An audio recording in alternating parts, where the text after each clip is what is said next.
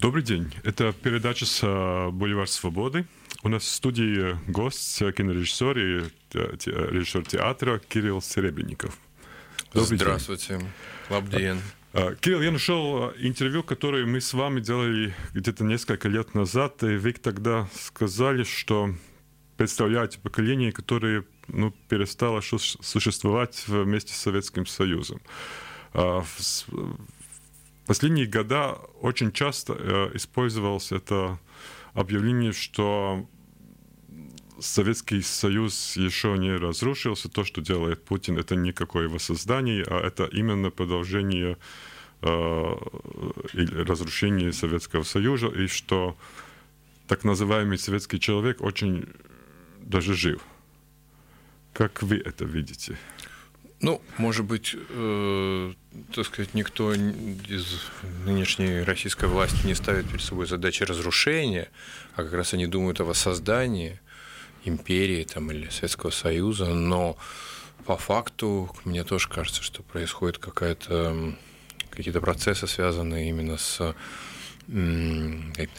рецидивом э, или с, с самоубийством скорее даже э, советского э, материка Советского Союза и в, в том числе и советского человека, потому что то глобальное непонимание, которое есть внутри российского общества, ну, которое стало очень понятно, это непонимание стало очевидным и очень ясным в контексте событий войны в Украине, а, оно и является, ну, на самом деле, принципиальным в чем-то. Это... Ну, думаете, не самоубийство советского человека, а самоубийство даже русского человека.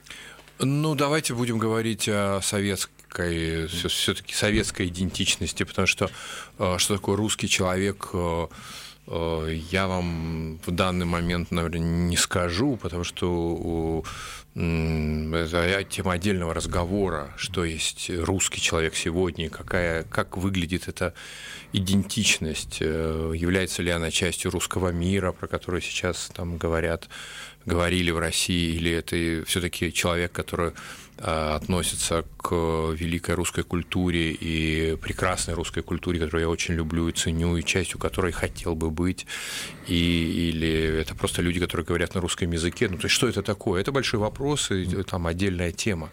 Вы же спрашиваете про а, а, то, что происходит сегодня, а сегодня действительно происходят очень такие болезненные и драматические, прежде всего, внутренние конфликты внутри российского общества.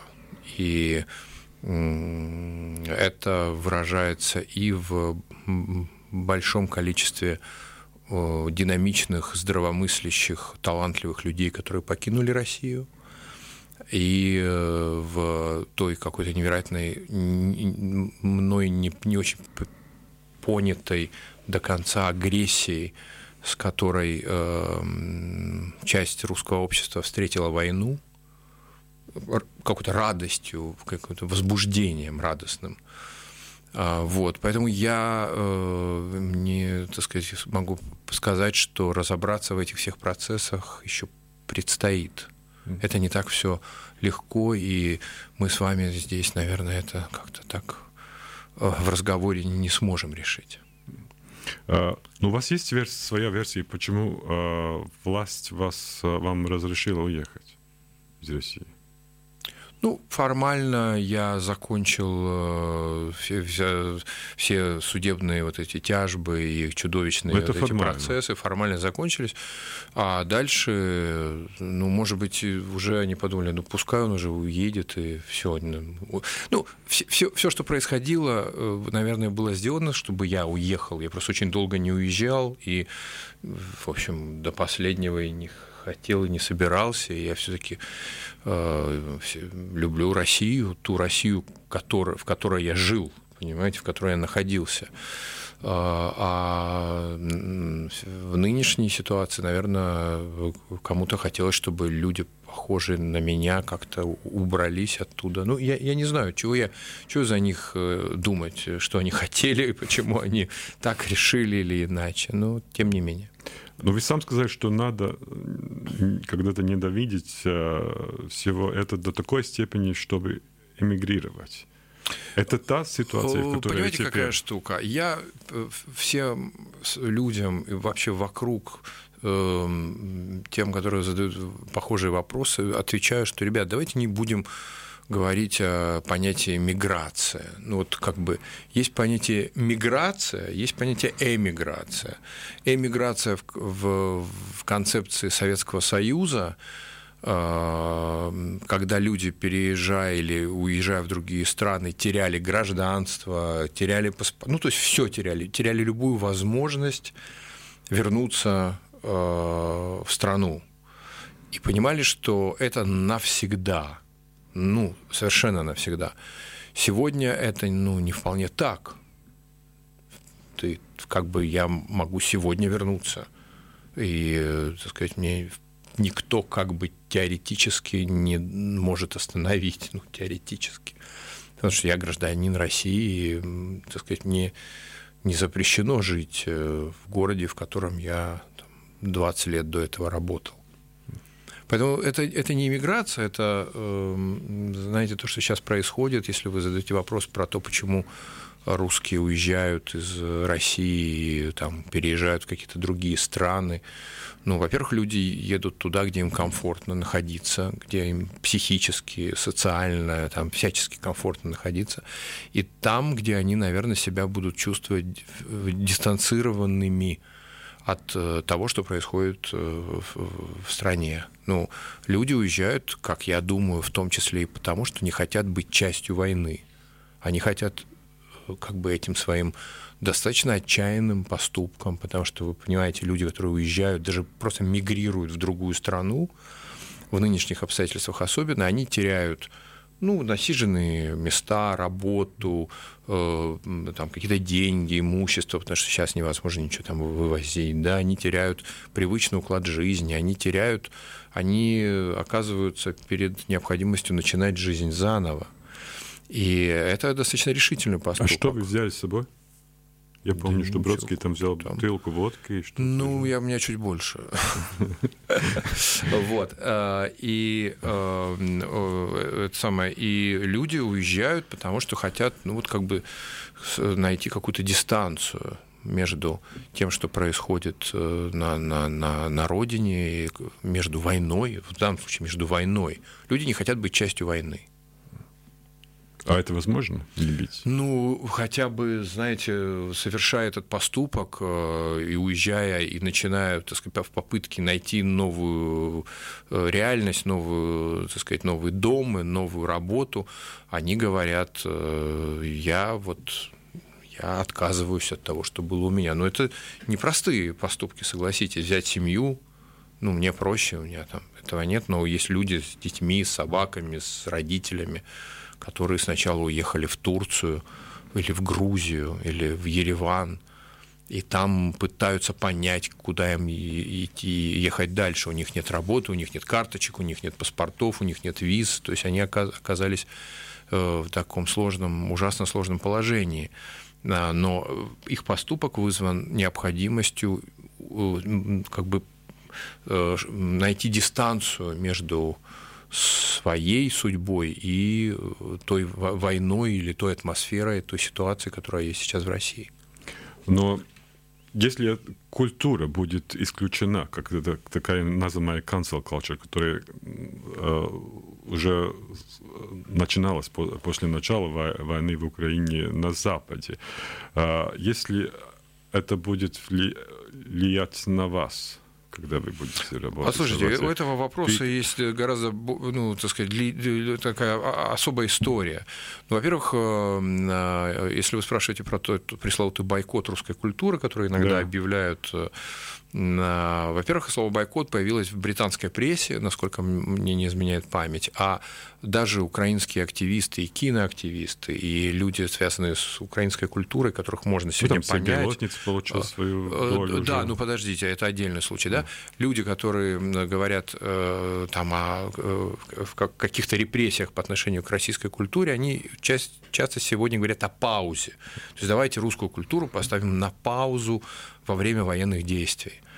А, понимаете, какая штука? Я не уверен, что культуру можно поставить на паузу. И, во-первых, во-вторых, э, э, э, эти здравые соображения тоже, к счастью, есть в Европе. И люди говорят следующее. Друзья, мы уже были в точке, где какая-то культура, чья-либо культура преследовалась по национальному признаку. Уже Европа была в этом, в этом так сказать, положении, уже за национальность преследовали. Этого нельзя делать, это недопустимо. Людей можно оценивать по их поступкам, по их позиции, по их положению, а не То по национальности. Индивидуально. Конечно. Иначе это, так сказать, какой-то дежавю. Ну да, но мы помним тоже, что после Второй мировой, ну даже ну Вагнера отказались там. Э, поставить в, в опере э, в Европе или в Америке. Ну, в Израиле, по-моему, до сих пор Вагнера, да. Вагнер запрещен к исполнению. Да, но вы очень много работаете с русской классикой всегда. Там, здесь в Риге в свое время да. с Гоголем. А, а, тоже теперь ставите Антона Чехова, да. «Черный монах» в Германии. А, у вас есть ну, размышления о том, как, ну, что, что эта ненависть рождается из-за войны, и что а, я... это тоже влияет даже Толстого, который... А, знаете, что у меня есть, к счастью, документальные свидетельства, что это не вполне так, этой ненависти нет. А, мы играем премьеру Черного монаха в, в очень хорошем театре в Гамбурге, в Тале театре и весь зал там 15 минут стоя аплодирует. Он аплодирует немецким артистам, русским артистам. А там тоже латышские артисты, да, или нет? Там латышский композитор, композитор. Якобс Ниманис. Да.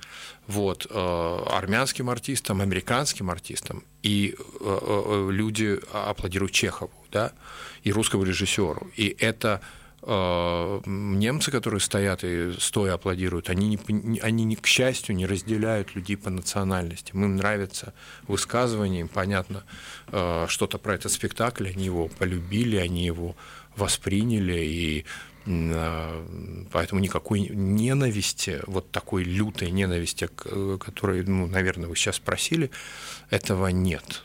Ну, к людям, которые, конечно, поддерживают войну, ну, разумеется, будут, мягко говоря, вопросы, и будут э, нежелания с ними э, поддерживать отношения, но это происходит и между русскими.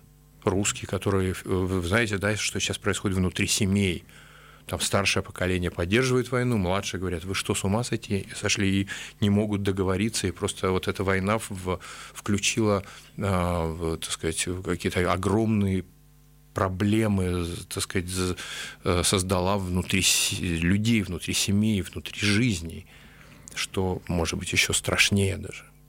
А вы думали о вариантах жизни, когда начали все эти судебные процессы с вами о том, ну, что варианты может быть разные? Да, конечно. Ну а как? Никто ничего не знал, чем, как это все будет э, продолжаться и заканчиваться все было непредсказуемо. Но вы, видишь, нашли возможность работать, тоже находясь в аресте в, дома. Ну, это, это Я была, даже читал, это Нью-Йорк Таймс писал, что это было когда же шпионская история, как там, как да. ставили да. оперу да. в Женеве или в Нет, Цюрихе. в Цюрихе, в Цюрихе, да. да. Но это была, знаете, история сопротивления, потому что если тебя хотят уничтожить, э, убить, э, потому что там сломать или что-то, ну, чем ты можешь э, сопротивляться. Все это описано у старых э, э, советских еще диссидентов, э, у Буковского и прочее. Надо ну, сопротивляться. Это твоя, твое индивидуальное поле сопротивления, поле битвы. А когда вы говорите в интервью, я видел в Deutsche Welle, вы, когда, по-моему, говорили, что вы считаете контрпродуктивным считать, играть в жертву. По-прежнему так считаю. И Тогда Поэтому что? я, я, знаете, избегаю слова миграция, и, так сказать, вот мы, так сказать, несчастные все.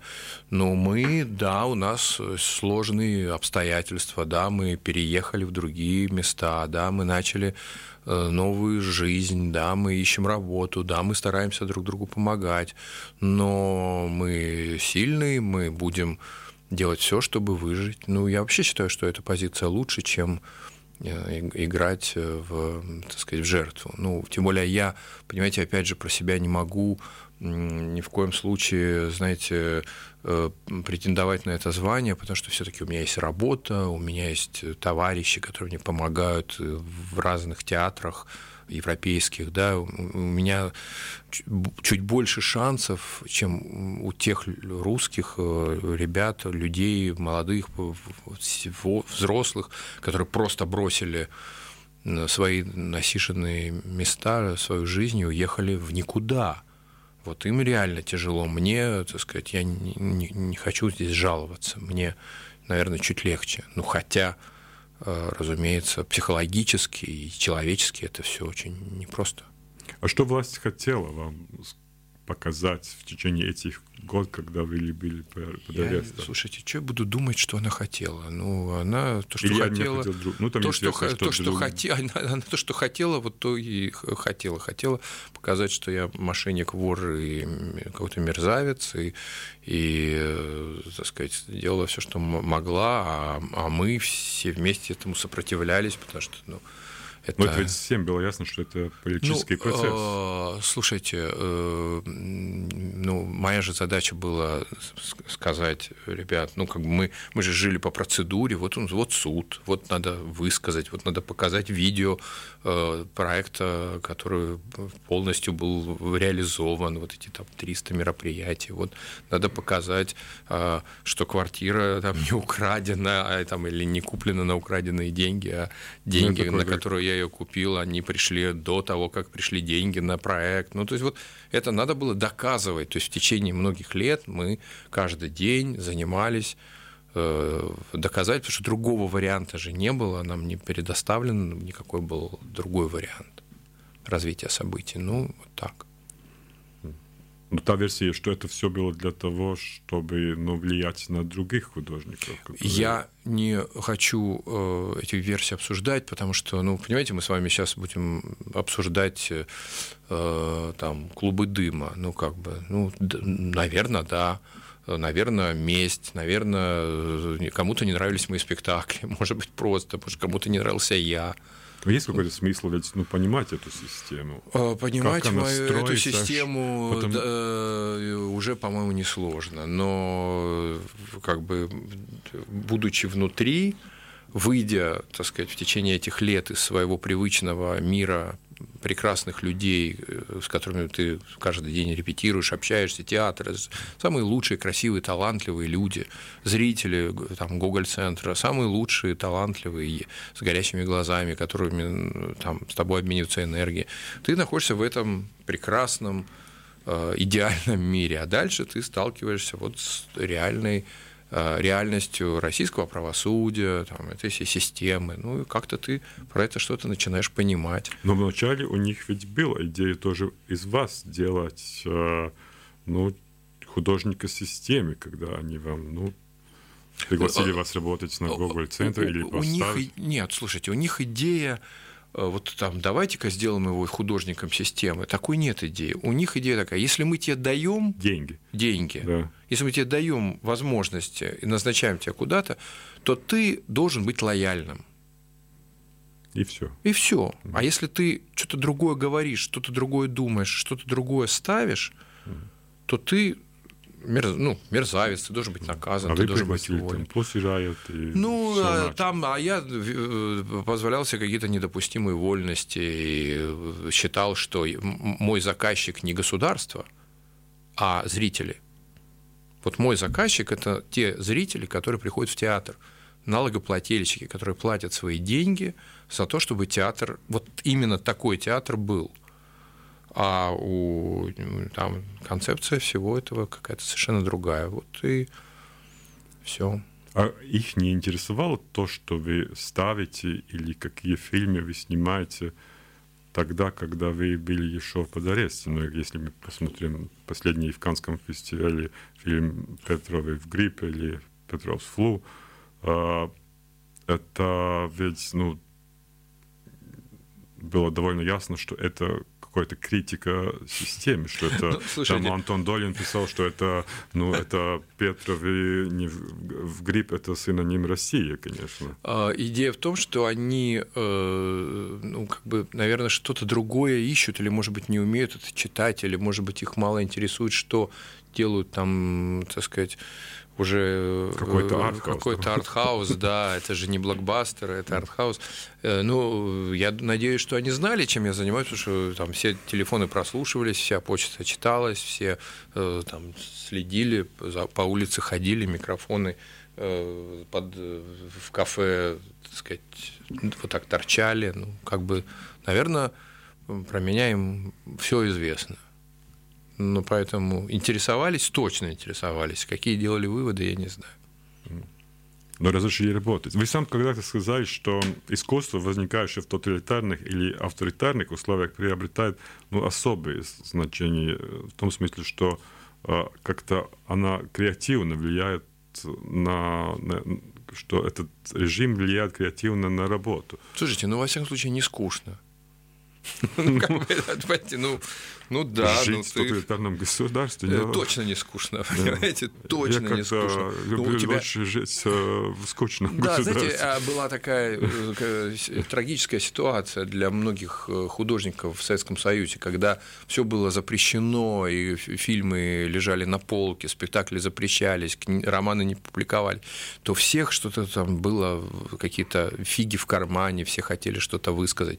А как только возникла свобода, и как только людям стало можно говорить абсолютно все и люб, в любом виде, любой формой, как-то все очень быстро сдулось, и какое-то время было такое безмолвие от того, что все можно и непонятно тогда с чем бороться, с кем бороться.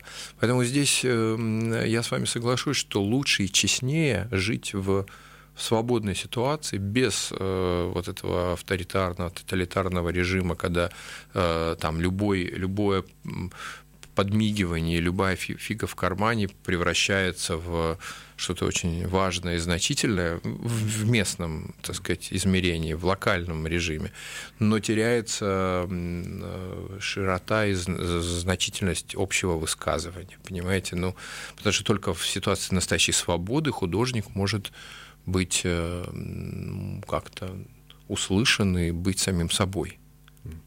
А вы теперь ну, свободнее, чем... Ну, это испытание, не, да. Несколько недель Нет, ну, слушайте, назад. мне, мне я свободен, э, так сказать, я и тогда не очень э, считал несвободным. Понимаете, могли быть любые обстоятельства, но я все-таки себе говорил, что, ну да, ты не можешь э, там выйти, но никто тебе не запрещает писать и и читать, и думать. Это же свобода вещь такая, очень индивидуальная. Вот. Но, разумеется, у каждого человека, который уехал из России или работает, начинает в других странах, возникает масса вопросов, а про что ты будешь говорить, а какая твоя тема, а э, где, так сказать, э, твои герои, кто они и прочее, прочее. А какая может быть тема для вас после всего этого, что произошло с вами, и что происходит теперь с, с вашей любимой Россией, как вы говорите всегда? Я не знаю, надо подумать. Подумать надо. Эм, кто будет героем, я не знаю, надо подумать. Это не делается, mm. к сожалению, так быстро. Потому что многие говорят э, ну, в течение последнего месяца, что ну, вообще невозможно читать. Невозможно, невозможно, невозможно кино. дышать, невозможно ничего делать. Да. Э, у людей, которые, когда началась война, и которые там внутри находились, вот мы все была в течение огромного, так сказать, промежутка, просто депрессия от а, ну, обморок, шок. Э, знаете, у людей, в которых попадает снаряд, они вначале ничего не чувствуют, они даже ничего сказать не могут. Они улыбаются иногда, смеются, потому что э, всем вокруг видно, что э, осколок разворотил им живот, а у них от шока происходит такая анестезия, и они ничего не чувствуют. Как бы шок. Шок, он притупляет боль, он ее так сказать, закрывает. А вот потом, когда этот шок проходит, начинается непереносимая боль. Я Э, боюсь, что вот э, шок вот только проходит, еще главный этап, когда эта боль будет практически непереносимой, он, может быть, еще не наступил. Потому что я, ну, конечно, ясно, что один телевизионный сюжет о Мариуполе на телевидении ну, влияет на человека сильнее, чем любое искусство. И тогда ну, возникает вопрос, а что ну, делать? Что, да. что делать? Ну, какое искусство возможно? Ну, надо какое-то время помолчать. Знаете, э, помните этот вопрос, а возможно ли поэзия после... Адорно, да. Да, Адорно, да, задал вопрос, а возможно ли поэзия после Освенцима? Да. И, к сожалению, э, выяснилось, что возможно. Только, только просто после... не сразу. Просто... Там, Паш, было где-то 20 лет, когда конечно, начались Конечно, 60-е годы, да. да. То есть, когда и люди фильм. стали осмысливать, а Поль Целан сразу после войны мог только покончить с собой. То есть, эта боль была абсолютно непереносимой. Потому что ну, а, некоторые украинские писатели э, говорят, что ну, не будем а, говорить о том, что там русская культура канцелируется, потому что наша культура, украинская культура вообще уничтож... Э, уничтожена. Ведь... Э, ну, слушайте, я с этим тоже не вполне соглашусь. Я поддерживаю связи с какими-то ребятами из Украины, которые оказались уже за границей или там внутри даже. Но и они все воюют. Ну, они, мои, кто, мои продюсеры кто, кино да, Кто-то воюет, кто-то за границей, mm. кто-то уехал, кто-то по-разному все. Но, допустим, пока есть Сергей Лазница, как можно говорить о том, что она убита? Сергей Лазница – выдающийся представитель украинской культуры, украинского кинематографа, как бы к нему ни относились там, по каким-то внутренним причинам его, э, так сказать, э, коллеги, он не перестанет быть выдающимся украинским режиссером, который очень сильно влияет на понимание, так сказать, постсоветского мифа, украинских, украинского взгляда на историю Советского Союза или на историю Европы. Это очень э, важно, это важнее каких-то там заявлений, или он что-то там вовремя не сказал, или сказал, но не теми словами, или не, не, не был в Украине в тот момент, когда он это сказал. Ну, Причем тут это главное. Но это что... тоже понятно, что это во, от, время от боли, войны... от да, бо... это да. все от боли. Людям так плохо, я их очень могу понять. Им так плохо, что они кричат, они иногда свою агрессию, как мы знаете, в семьях, когда стресс не может быть э, никуда выплеснут, э, люди кричат на детей, на собак, на, там, ну, начинают друг на, с другом, друг с другом конфликтовать. Вот это примерно то же самое, я, мне кажется. А, вы когда-то тоже работали э, телевидение, я, сколько я... Ну, очень я, давно, очень совсем давно, давно да. да. А вы сказали тоже, что в какой-то момент вы поняли, что э, все, все новости, как они строятся на телевидении, это ложь. А где тогда искать истину?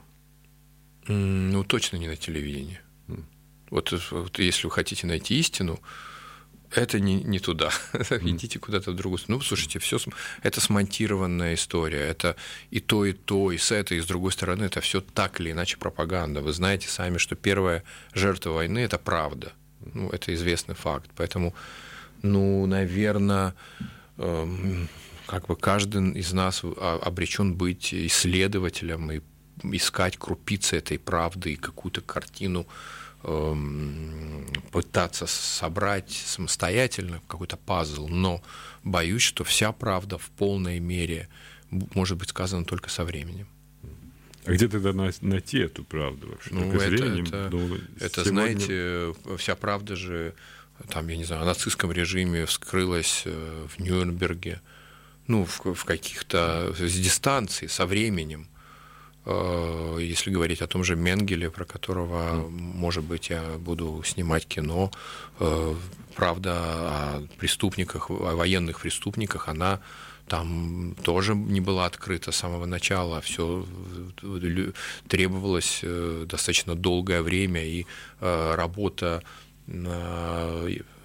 банальность зла, написанная по поводу процесса над Эйхманом Э, в Израиле, она все-таки относится уже к, к больш... ну, да, значительному временному промежутку относительно самой войны. То есть это потом уже стало понятно, что эти люди вот такие, что да, они все вообще еще, у них были семьи, и у них вот, вот тут война, вот тут Аушвиц, а тут личная история, дети, э, сосат огород, речка течет, прекрасное настроение, ну, там где-то кого-то убивают, а как помните, Шпеер э, написал замечательные воспоминания, если так можно употребить слово замечательные, но они важны для понимания того, что у этих людей в голове было. Да, он написал спустя 20 лет книгу Шпандау про свое 20-летнее пребывание по приговору Нюрнбергского процесса в, в тюрьме. И вот он ответил на вопрос, знал он или не знал о Э, лагерях смерти, об окончательном решении э, еврейского вопроса. Он сказал, у меня, замечательная, кстати, фраза, «Э, я не знал, меня от этого оберегали, и даже сам фюрер там делал все, чтобы я про это не знал, но у меня было миллион способов про это узнать. Ну почему эта пропаганда влияет? Потому что даже, ну, смотря эту российскую пропаганду по телевизору, это уже ну, ну, догадываюсь, что, может быть, ну, человек, э, советский человек, который жил в Советском Союзе, умеет ну, найти какие-то субтексты.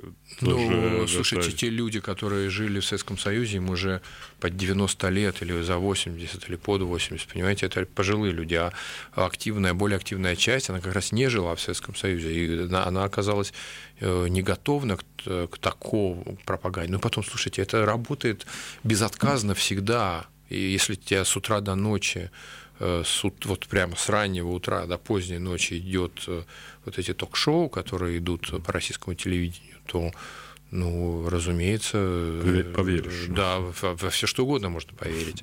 Ну, как это, знаете, помните геноцид в Руанде, да, радио «Тысячи холмов». Ну, вот просто каждый день рассказывали про то, как надо убивать других людей. Ну, и люди пошли и убили миллион. Поэтому Э, я ни в коем случае, не, не, кстати, не, не считаю тех людей, которые подвергаются пропаганде, э, ни в чем не виновными. Ну, так сказать, э, если тебе каждый день будем говорить, убей, убей жену, убей, убей брата, вот убей, убей, убей. Ну, наверное, в нас что-то есть, какой-то предохранитель, который нам не даст взять нож и пойти убивать родственников. Ну, так ведь, да, какая-то, какие-то есть ограничения. Ну, мне кажется, во всяком случае, у людей, ну, хоть чуть-чуть э, цивилизованных они должны быть. Ну, то, что совсем, ну, не... Ну, откуда э, эта жестокость рождается? Жестокосердие, да. не знаю, это тоже Где следует, начало этого зла? Следует который... изучать. От бедности, думаю. От бедности. Все от бедности. Ну, слушайте, жестокосердие очень часто от бедности. Но ведь а, люди, которые строят э, эту военную стратегию, они ведь не бедные. Но мы же говорим о, о жестокости, в том числе и тех людей, которые являются э, их сторонниками, их последователями и составляют вот это как бы большинство, которое их поддерживает. Ну вот они бедные. А эти, наверное, решают какие-то свои э, вопросы. Я не, я не знаю. Я, я не знаю, что может человека заставить начать убийственную войну, вот вообще войну. Вот просто я не, я, у меня нету этих, эм, как это сказать. Вы буддист, ну, кроме этого. Ну да, у меня на это стоит какой-то совершенно блок. Я не понимаю, как можно перейти к насилию, как можно воспользоваться насилием, как можно говорить, э, вот мы были вынуждены. Ну вот, э, знаете, я, я ее убил, потому что был вынужден. Ну как это? Ну, не, не, не, я, у меня нет, я не понимаю, как это возможно. А, вы неоднократно тоже в начале интервью говорили, что вы себя считаете патриотом а, России. Что это означает теперь быть патриотом России? Mm. Вы в канал, французском канале, я смотрел где-то ну, несколько дней назад, вы интервью говорили, что ну, что вам больно, что происходит. Ну, мне не, да, но, мне абсолютно но как больно. Это, как это, эм... ну, как это меняет ваш, ну, контент вашего патриотизма и содержания? Ну, слушайте, этого? я же патриот, я же патриот не э, этой системы власти, которая есть в России в данный момент. Я патриот России, языка, культуры, эм, прекрасных, умных, тонких, талантливых людей, которых я знаю – я не знаю, природы, э, музыки, театра, кино, которое меня сформировало. Ну, то есть я, я вот патриот этой России. В том числе та Россия, которая бедная, неказистая, тоже вызывает во мне огромное сочувствие. Я знаю и не только вот Россию высоких э, там, сфер, понимаете, там великой музыки и великой культуры. Патриотом этой России быть может быть и легко, но э, находить э, какую-то прелесть в этих неказистых городках, в, потертых стенах, в каких-то очень скромных людях, но тем не менее в которых есть щедрость, доброта и как бы что-то очень искреннее. Я, э, я всегда это видел. Если с этими людьми произошла такая катастрофа, что они стали поддерживать убийство, для меня это огромная трагедия и потеря ну, какой-то как бы, веры, наверное, или не слово вера неправильно, но разрушение той картины мира, которая у меня до этого была, потому что я э, эту страну любил и в высших проявлениях, и в каких-то даже таких низких, и старался как раз из чего-то э, как бы низового создавать э, ну, какую-то красоту другую, искать красоту во всем этом, в скромном, в неказистом, в затрапезном, в, в невеликом. Не, не ну, там это тоже есть, там есть э, какие-то напряжения, какие-то чудеса. Ну, во всяком случае, мне так всегда казалось. Если э, все это будет уничтожено войной и, так сказать, э, потеряется миллион этих тонких настроек и полутонов, то это будет настоящей катастрофой. Мне коллеги из редакции культуры напоминали, что когда вы ставили «Мертвые души» здесь, в Национальном театре, там было песня со словами «Что ты, Русь?» «Русь, чего ты хочешь от, от меня?» меня? Да, можете ответить на этот вопрос? Нет, я не знаю, что я на это ничего не могу ответить. Это вечный вопрос. Я знаю только, что, например, э, композитор этой музыки прекрасный Саша Манацков вместе с семьей э, сейчас находится в Грузии и ну, у него как-то нет там виз, и вот что ему делать совершенно непонятно, как ему помочь совершенно непонятно. А он, тем не менее, автором большого количества опер, которые я, музыки, с которой я работал, оперы, которые я ставил, э, Чацки по другим вечным вопросам русской культуры, которые были поставлены э, Грибоедовым, э, Чацким,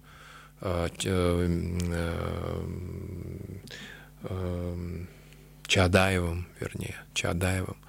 Вот, и вот он уехал и ищет, э, как начать новую жизнь. А, вы когда говорили, что функция культуры не врать и сохранить человеческое лицо, какая возможность, по-моему, у вас вообще в России теперь для культуры, чтобы сохранить человеческое лицо?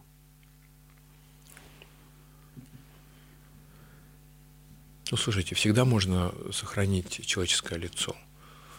Я, знаете, невероятно сочувствую и внутренне, так сказать, восхищаюсь людьми, которые выходят там, я не знаю, на улицу, поднимают роман Льва Толстого «Война и мир», на них набрасываются э, значит, эти все с дубинками, силовики. Ну, даже белый есть уже. Уже белый или уже цветочек белый, ну. карту «Мир», уже все что угодно, любую, и их уносят в автозак, понимаете, которые так стоят по улицам вереницами.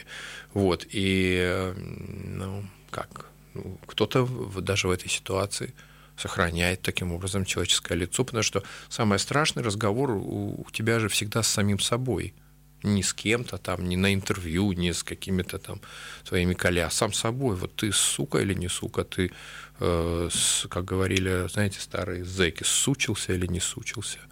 Ну, кем ты стал? Сохранил в себе человеческое вот это самое. «Берегите ваши лица» был, была, э, был старый спектакль любимого и по поэзии Вознесенского. Сейчас э, делается его такой спектакль в Гоголь-центре э, по этой, по этой пьесе э, поэтической. «Берегите ваши лица». Вот очень актуальный призыв. А может ли художник быть не политическим? Ну, вы когда сам говорили, что уже до всего это, этих процессов и, и до 2014 года, что вы не хотите никогда делать там социального кино. Ну, это, это разные это, вещи. Просто, да. понимаете, э, там, ну, как бы наивно говорить, что искусство вне политики, потому что искусство есть политика. Mm. Это и есть политика, mm. да, ну, просто она другая, это друг, другая ну, наверное, поэтому какие-то режимы не любят художников и начинают с ними бороться, когда на них начинают как-то обращать внимание, потому что э, осознают даже под коркой, там, какими-то своими внутренними э, извилинами, где там они у них находятся, что это, так сказать, враги, которые способны людям другим что-то не то, что нужно рассказать, конечно. А как вы думаете, выпустит Навального из тюрьмы? Рано или поздно, да.